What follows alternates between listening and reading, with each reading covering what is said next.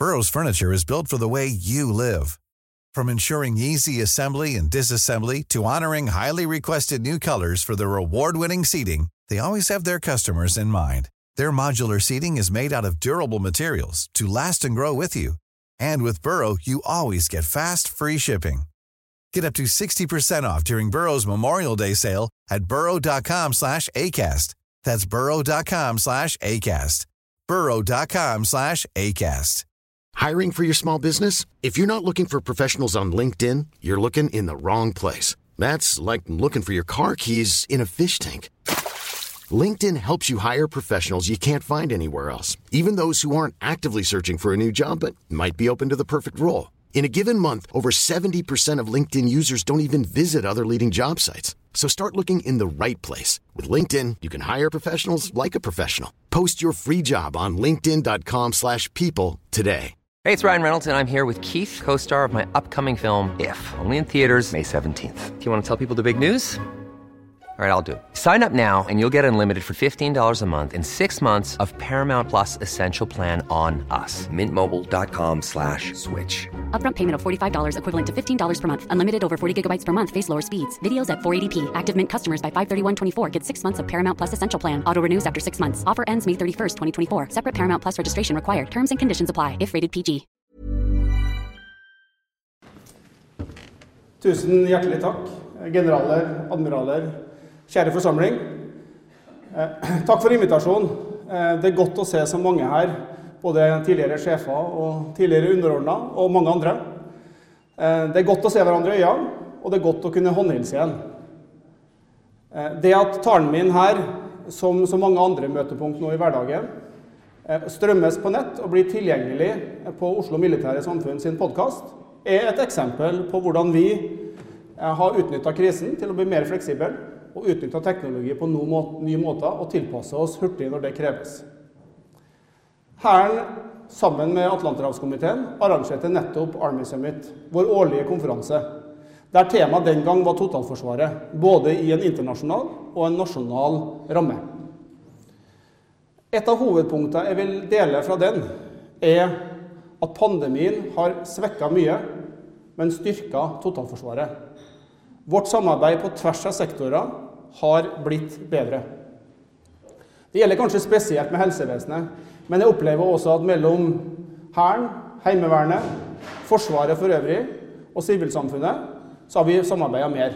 Vi har fått viktige lærdommer, både på systemnivå og individuelt. Og ikke minst har vi sett styrken i ressursene som finner hverandre. Og viljen til å trekke sammen i krisa har vi sett flere ganger tidligere i det lille landet vårt. Vi så det nå sist under den tragiske hendelsen i Kongsberg.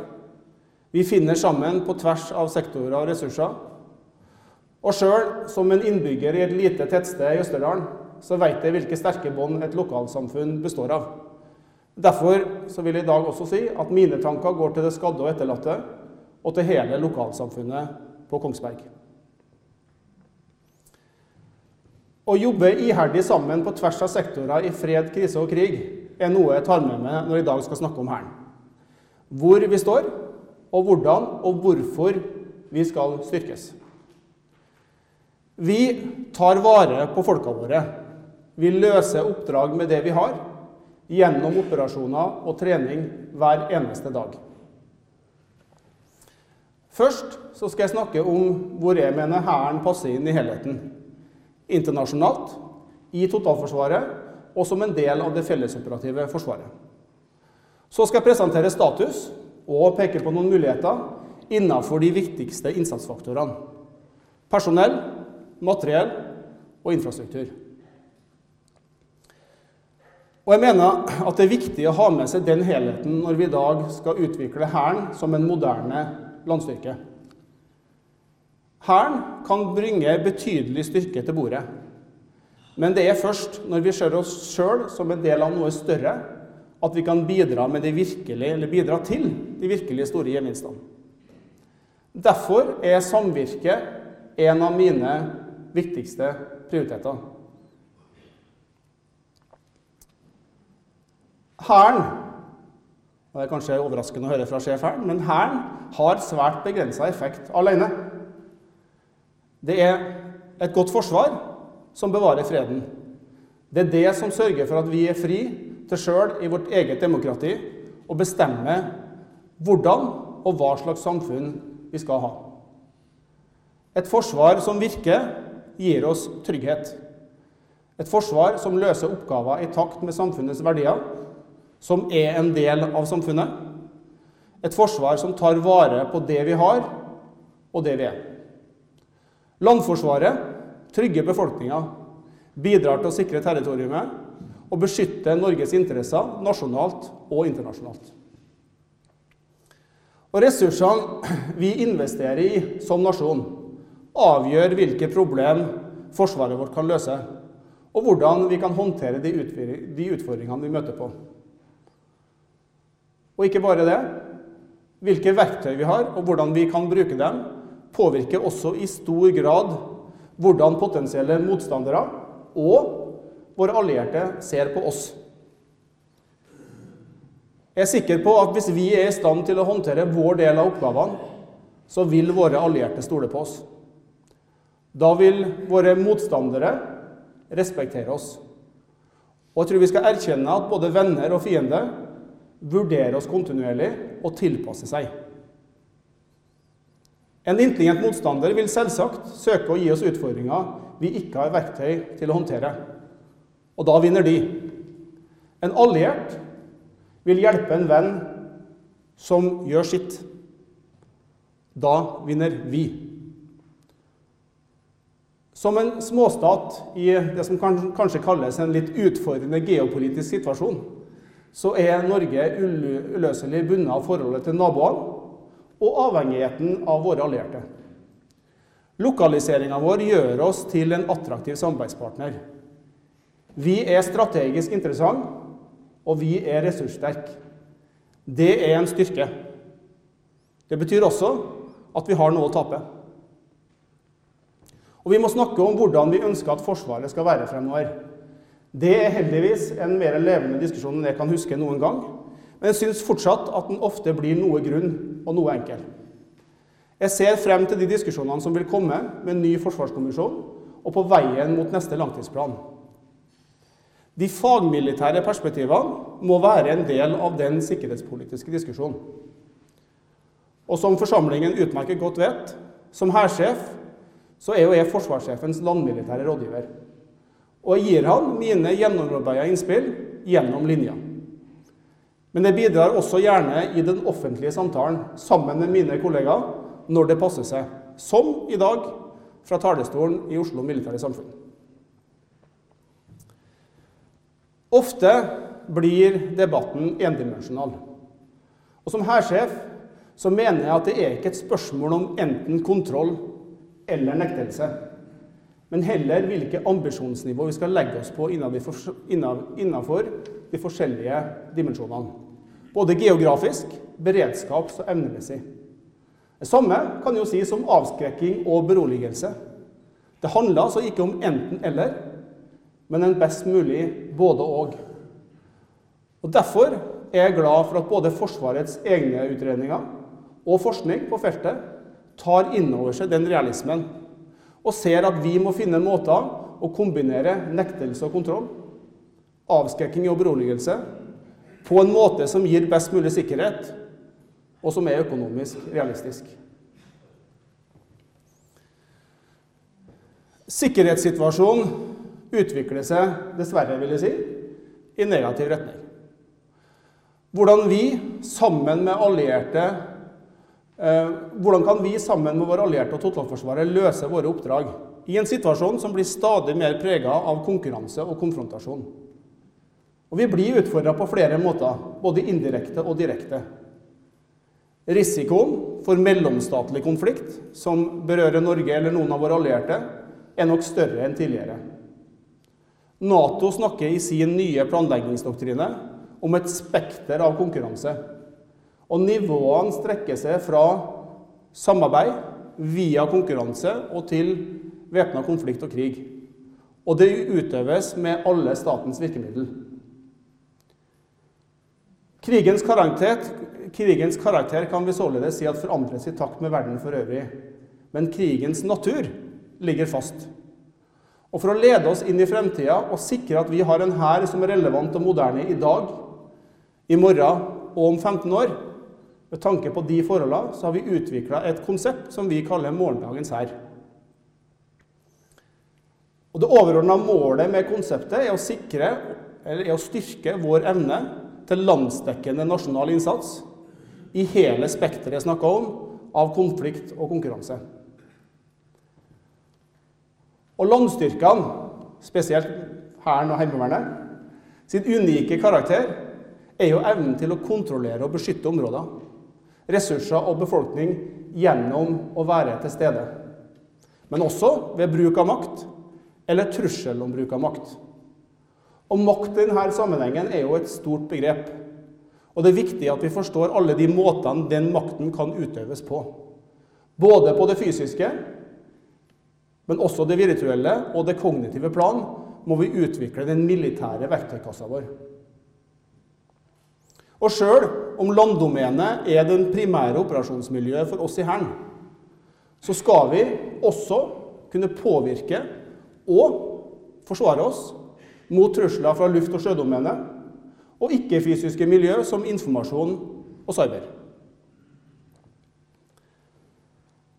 Og vi skal utvikle vår evne til fleksibel handling, slik at det er vi sjøl som velger tilpassa og riktig respons. Og vi må kunne operere og aksjonere høyteknologisk når vi kan, men samtidig også lavteknologisk når vi må. Og som dere sikkert skjønner Ensidig innsats fra landstyrkene i landdomenet mener jeg ikke er tilstrekkelig for å møte et komplekst og sammensatt trusselbilde. Det betyr at utviklinga av Hæren, veksten av Hæren, ikke kan skje isolert, men sammen med de andre forsvarsgrenene, sammen med de andre sektorene, og være forankra i god kjennskap til allierte planverk og konsept.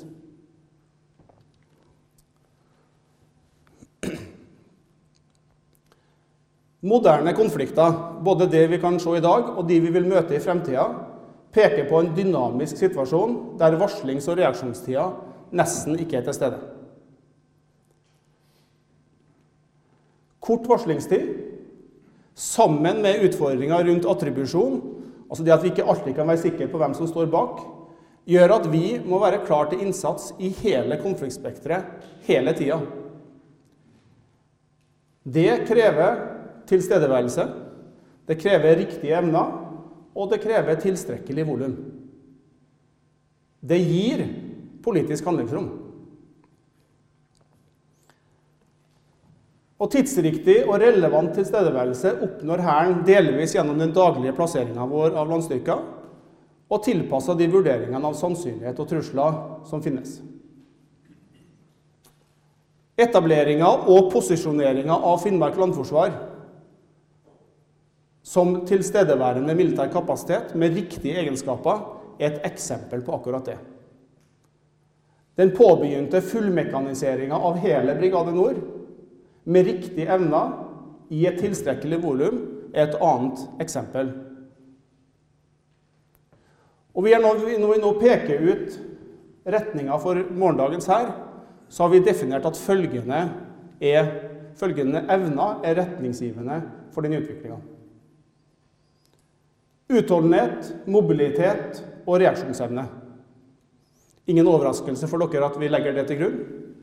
Men det vi legger i det er at Hæren skal ha volum som gir nødvendig utholdenhet for å løse våre oppdrag.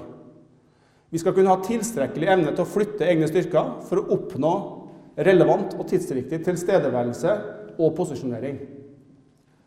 Og oppsetting og beredskapsgraden må være tilpassa korte varslingstider, som jeg tror er gjenkjennbart for mange i salen her. Vi må også kunne etablere, koordinere og vedlikeholde en felles situasjonsforståelse. Og Det gjør vi gjennom tilstedeværelsen og utnyttelsen av ny teknologi som evner å oppdage hendelser, forstå situasjonene og skape forutsetninger for egen, men også den delte og overordna situasjonsforståelsen. Og Det stiller igjen krav til tilstedeværelse, Men også etablering av nødvendige løsninger som gjør at vi kan distribuere eh, og opprettholde informasjon. Sivilt-militært samarbeid jo, og totalforsvaret var tema for Arnemuseet mitt. Men det er også en av de evnene vi eh, definerer at vi må ha, og skal være drivende fremover. Og Hæren skal gjennom integrert samvirke evne å bidra til sektor- og domeneuavhengig integrasjon mellom sivile og militære aktører. Og vil si evnen til samarbeid på tvers av våre ansvarsområder. Og det skjer hver dag. Et nytt begrep som brukes av oss, er at vi definerer oss sjøl som en innsidestyrke. Det betyr at vi erkjenner at vi er innafor rekkevidden i dag av mange av fiendens innsatsmiddel, som langtrekkende ild, luftvern osv. Derfor må Hæren være forberedt på å operere over tid i det operasjonsmiljøet. Vi må kunne bidra til at det etableres handlingsrom og muligheter for både fellesoperativ ild og fellesoperativ manøver, uten og med våre allierte. Vi er også opptatt av å kunne påføre effekt. Og Hæren skal kunne påføre, påføre en potensiell motstander effekt gjennom både egne kapasiteter, men minst like viktig er jo evnen til å kunne motta og anvende fellesoperativ og allierte ressurser som en del av det kjente triangelet sensor, beslutningstaker og effektor. Det har stor påvirkning på hvilke materiell vi anskaffer, hvordan vi utdanner personellet og avdelingene våre, og hvordan vi dimensjonerer og organiserer vår kommando og kontroll. Da skal vi gå fra det kanskje litt sånn teoretiske her, over i det mer praktiske. Hæren løser oppdrag, og det skal vi fortsette med fremover. Eh, og Finnmark landforsvar er et eksempel på hva vi har gjort, hva vi gjør, og hva vi skal gjøre for å møte fremtida. Noen år tilbake så, så vi at den sikkerhetspolitiske situasjonen krevde handling. Derfor iverksatte mine forgjengere flere tiltak både på personell, materiell og infrastruktur. Vi flytta en kampeskadron fra Rena til Porsangermoen.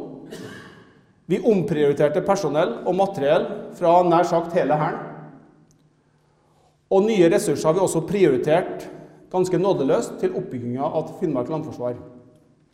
Vi venta ikke på at infrastrukturen skulle komme på plass om to år, fra nå. Men vi utnytta alle mulighetene, inkludert å forlegge ansatte på campingplasser, for å få det til å gå opp. Og Derfor er det at vi er klar til strid. Med mangler, men vi er klar til strid i Finnmark i dag.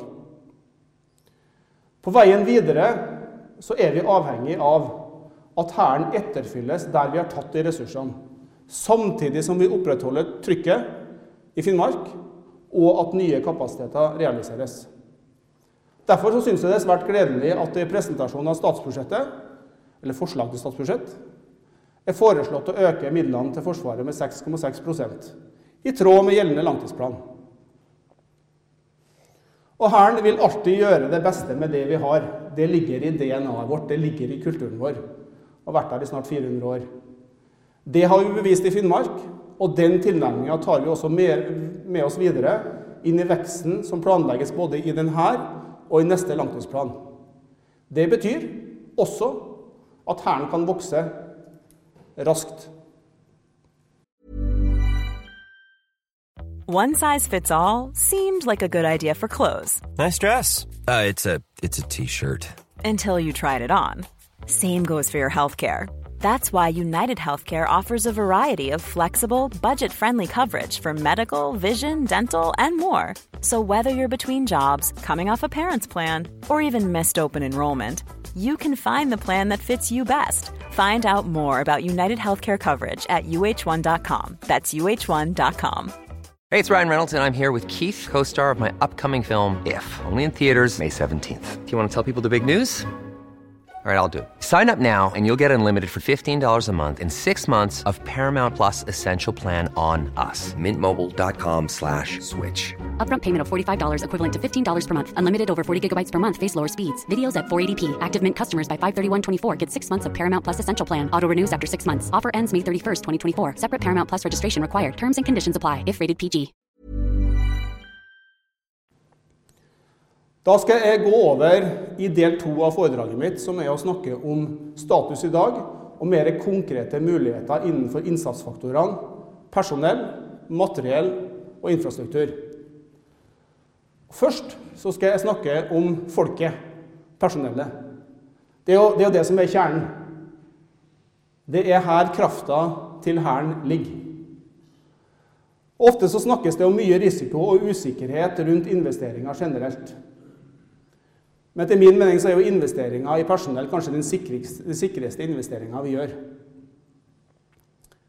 You can never overinvest in human capital, sa en sakkør for et par år tilbake. Jeg er ganske sikker på at han hadde helt rett. Og Nylig så hedra vi tre av soldatene våre med Hærens respekt, ansvar mot pris. Prisen tildeles soldater og sivilt ansatte som har vært forbilder for å etterleve Forsvarets kjerneverdier respekt, ansvar, mot. Og Årets mottakere er ikke et unntak. De gjør Hæren bedre. Og jeg må innrømme at jeg er umåtelig stolt over de tre som fikk prisen. Én kommandersersjant fikk prisen for respekt etter å ha gått langt utover det som er å forvente av en leder i å utøve respekt og tilstedeværelse på en forbilledlig måte i oppfølging av pårørende etter at vi mista en soldat i en tragisk ulykke. En visekorporal fikk ansvarsprisen etter gjentatte ganger å ha påtatt seg ansvar som ikke var forventa, og også levert etter beste evne med utprega ansvarsglede og kvalitet som leder i en alder av 21 år.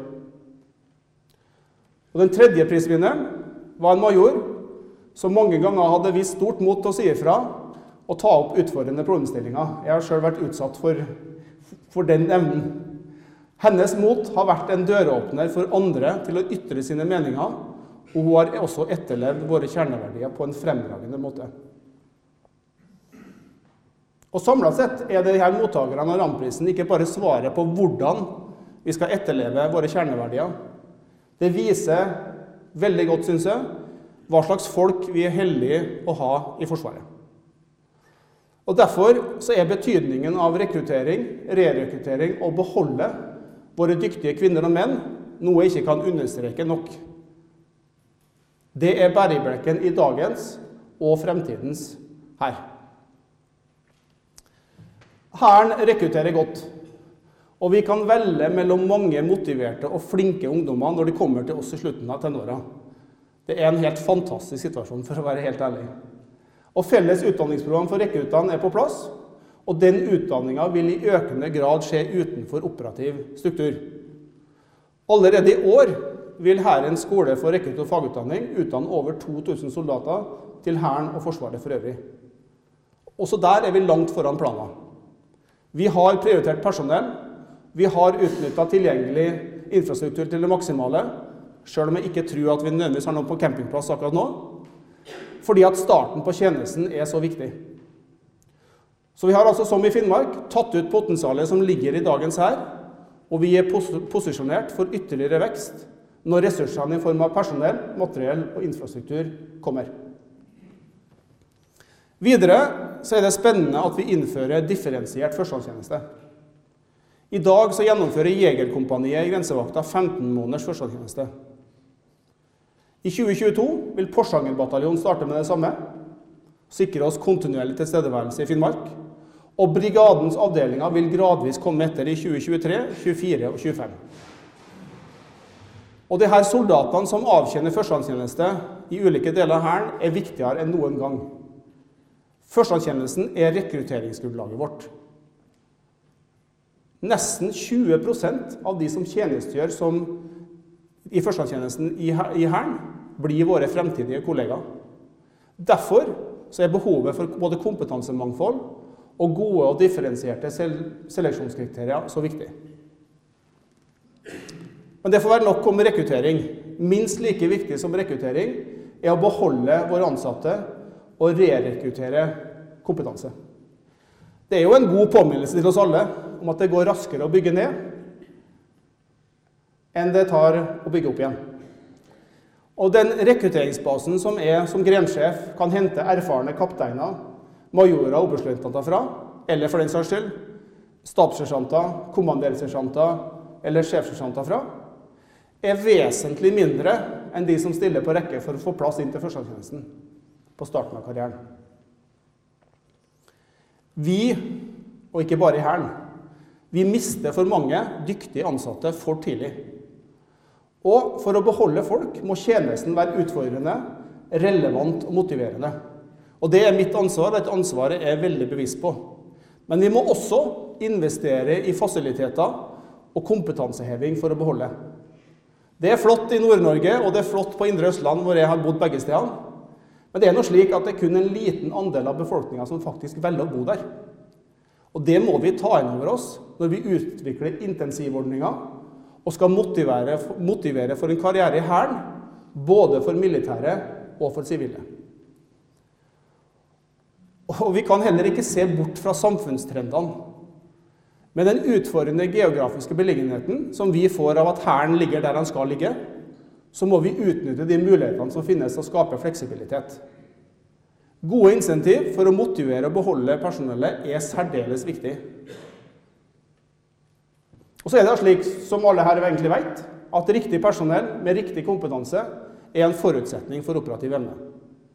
Situasjonen nå er at det er et gap mellom kompetansen vi har, og det vi trenger. Både i bredde og mengde. Og som sjef for Hæren i et drøyt år, så kan jo ikke jeg bare snakke om det. Jeg har altså gjort noe med det. I løpet av inneværende år har vi altså økt antall elever på lagførerskolen vår med 50% vi har, sammen med Krigsskolen, dobla plasser på den første delen av den videregående befalsutdanninga.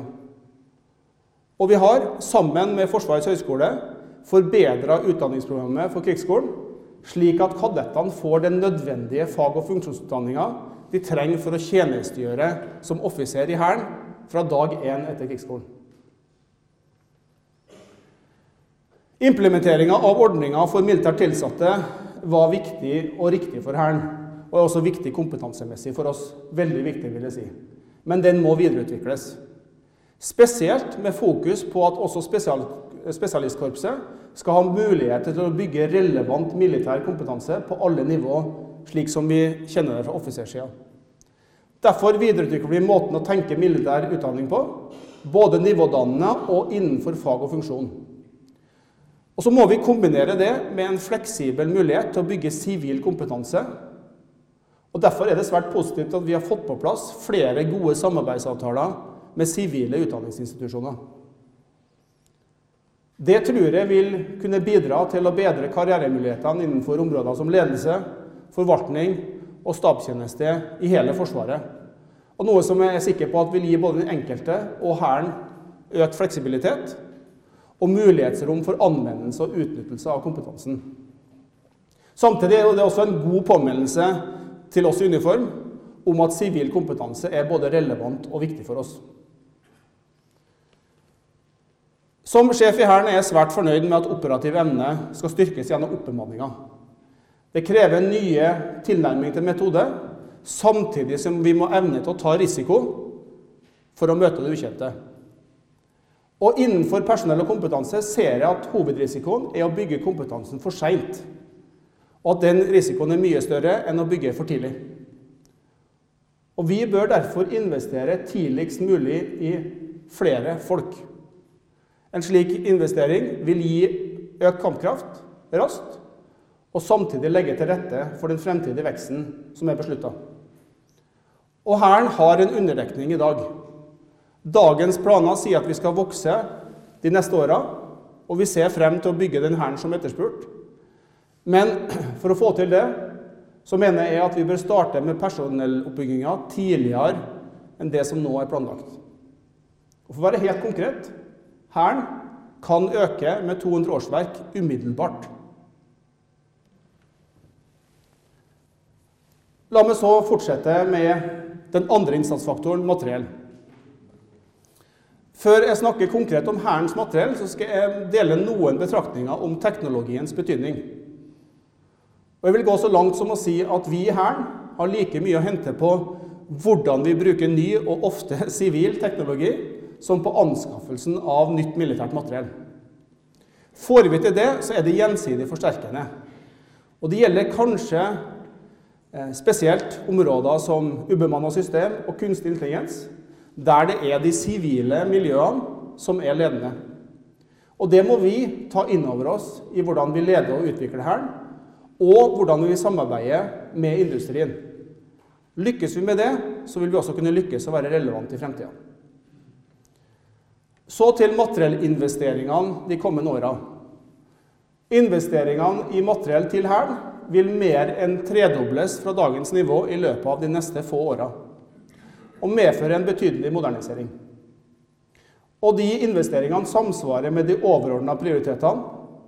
Etableringa i Finnmark, mekaniseringa av Brigade Nord. Fokuset er på fellesoperativt samvirke, ildkraft og luftvern.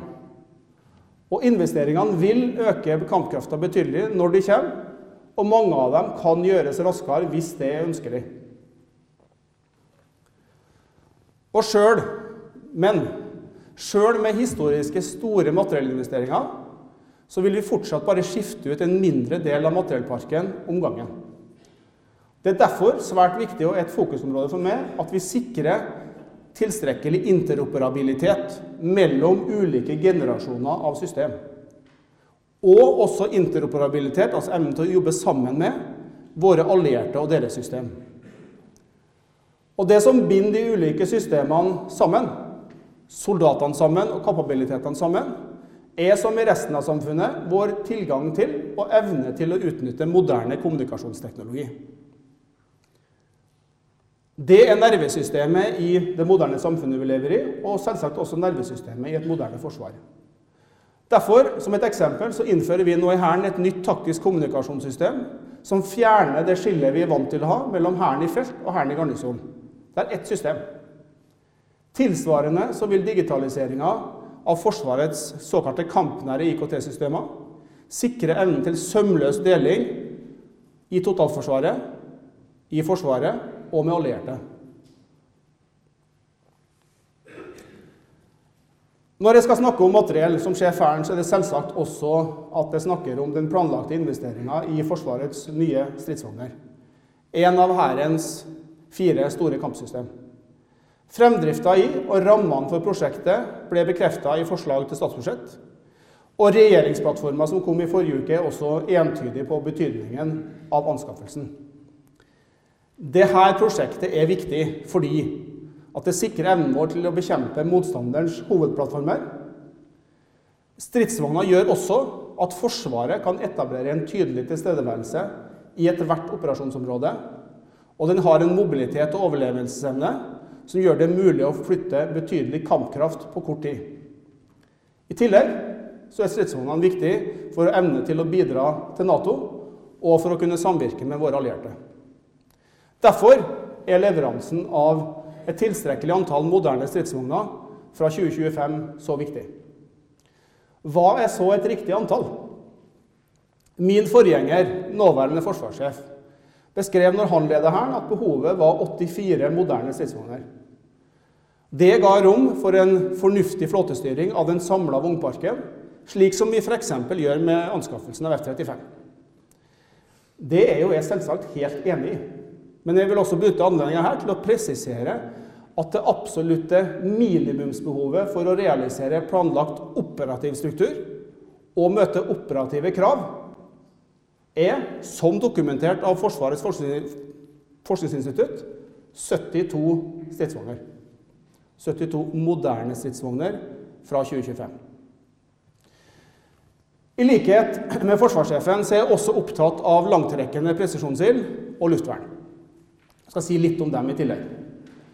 Sammen med Forsvarets forskningsinstitutt så er vi nå i gang med å se på langtrekkende presisjonsild, og se på hvilke operative behov og muligheter som finnes for å etablere en slik kapasitet i Hæren raskest mulig. Det vil øke slagkraften og fleksibiliteten ikke bare til Hæren, men til hele Forsvaret betydelig.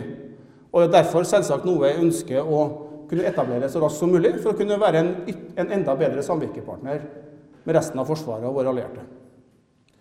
Med luftvern så er vi kommet litt lenger. Og vi, vi har nå tatt i bruk de første systemene igjen i Hæren. Endelig, vil Norge si. Vi vil i nær framtid anskaffe og ta i bruk både bærbart, kortholds og mediums luftvernsystem, som bidrar til å ta oss et godt stykke på veien og gi oss den beskyttelsen vi og våre samvirkepartnere trenger på et moderne slagfelt. Og Vi ser også på hvordan vi kan anskaffe mer luftvern, bl.a. for å kunne tilføre noe til Finnmark. Da har jeg snakka om tre kapasiteter. Eh, og Det er jo ikke slik at de tre der alene er nok. Hærens operative evne følger av samvirket.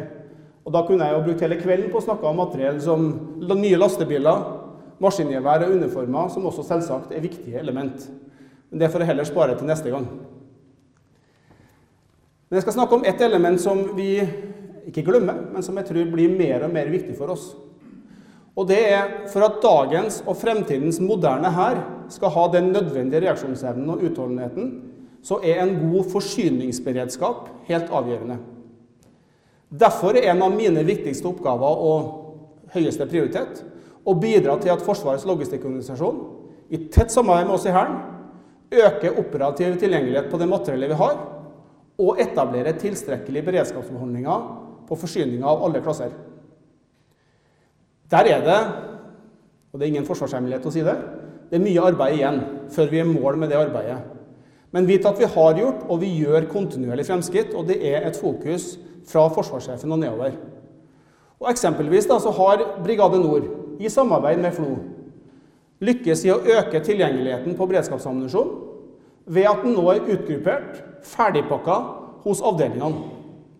Det gir reaksjonsevne for en brigade og en hær som hver dag arbeider for å være klar til strid. Så oppsummert, vi, på materiellsida så står vi foran en vesentlig satsing. Det vil bidra til å øke vår operative evne på en rekke områder og fremme de egenskapene som jeg nevnte her innledningsvis. Men soldatene, folka i Hæren, må ha et sted å bo. Hvert fall mesteparten av året når de ikke er felt. Og materiellet må kunne lagres og vedlikeholdes, og det skjer i våre baser. Hærens baser, Hærens leire, er utgangspunktet for våre operasjoner og aktiviteter, og kan således ses på som rullebaner for landoperasjoner. Og Forsvaret er i en meget krevende situasjon når det gjelder infrastruktur. Det erkjenner vi. Og vi i Hæren er bevisst på at når vi legger ambisjonene, så skal de være nøkterne og gi fleksibilitet både for dagens og fremtidens hær. Og Ut ifra dagens behov er det mangler på både kapasitet og kvalitet. Det gjelder gamle kaserner for våre vernepliktige, kvarter og boliger for våre ansatte som ikke er vedlikeholdt, og operative flater for våre avdelinger som er nedslitt eller mangler. Tilsvarende så er jo de fleste av våre skyte- og øvingsfelt dimensjonert ut fra behovene Forsvaret hadde under den kalde krigen. Og Fremtidens skyte- og øvingsfelt må jo gi rom for å kombinere moderne simulatorteknologi med moderne fellesoperasjoner. Og de her samla utfordringene søker vi å bidra til å finne løsninger på sammen med Forsvarsbygg. Det viktigste bidraget fra oss er nøktern og god planlegging, prioritering av de viktigste forholdene først, og standardisering. Men skal vi dekke behovene vi har i dag og i fremtida, så er jeg også sikker på at vi må evne å tenke nytt og tenke stort. Det offentlig-private samarbeidet mellom kommune, en privat eiendomsaktør og Forsvaret på Rena, som gir oss nå 92 nye kvarter, er et sånt eksempel. Nytenking som kan være med å løse våre behov på en kosteffektiv måte raskt. Men oppsummert av hvorfor, hvorfor er infrastrukturen vår så viktig? For det første basene våre og skyte- og øvingsfelter gjør at vi evner å operere i det daglige, og at dagen og morgendagens hær er klar til strid. For det andre våre baser er god valuta som Norge kan bruke til å fasilitere for alliert trening og øving, men som også vil være viktig i en forsterkning eller en krigssituasjon. Og tilstrekkelig infrastruktur gjør at vi beholder folk og kan ta vare på kostbart materiell. Det er jo betydelig mer kosteffektivt enn å måtte rerekruttere nye folk eller å kjøpe nytt materiell fordi det har blitt lagra i stykker. For å avslutte Den sikkerhetspolitiske utviklinga gjør det riktig og nødvendig å styrke Forsvaret. Og en moderne landstyrke, og herunder en moderne hær, er en sentral del av Norges svar på det. Den signaliserte veksten gjenspeiler således det økte alvoret. Og I ryggmargen eller DNA-en vår så ligger viljen til å løse oppdrag med de ressursene vi har. Det har vi gjort.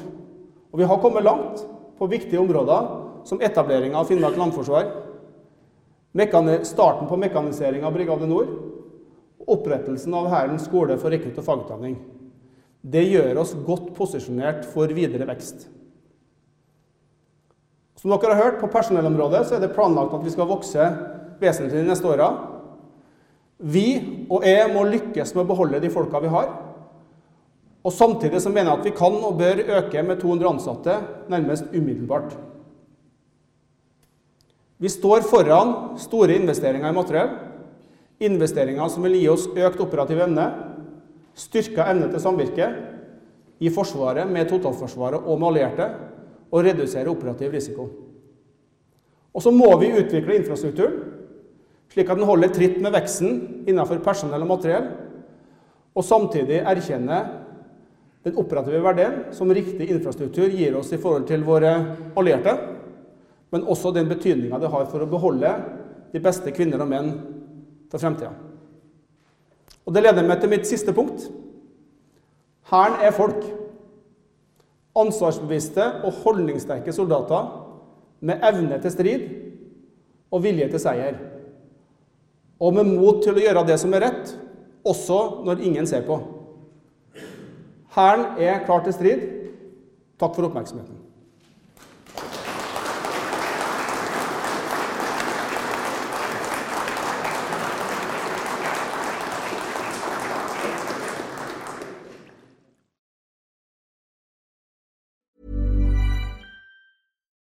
Why don't more infant formula companies use organic, grass fed whole milk instead of skim?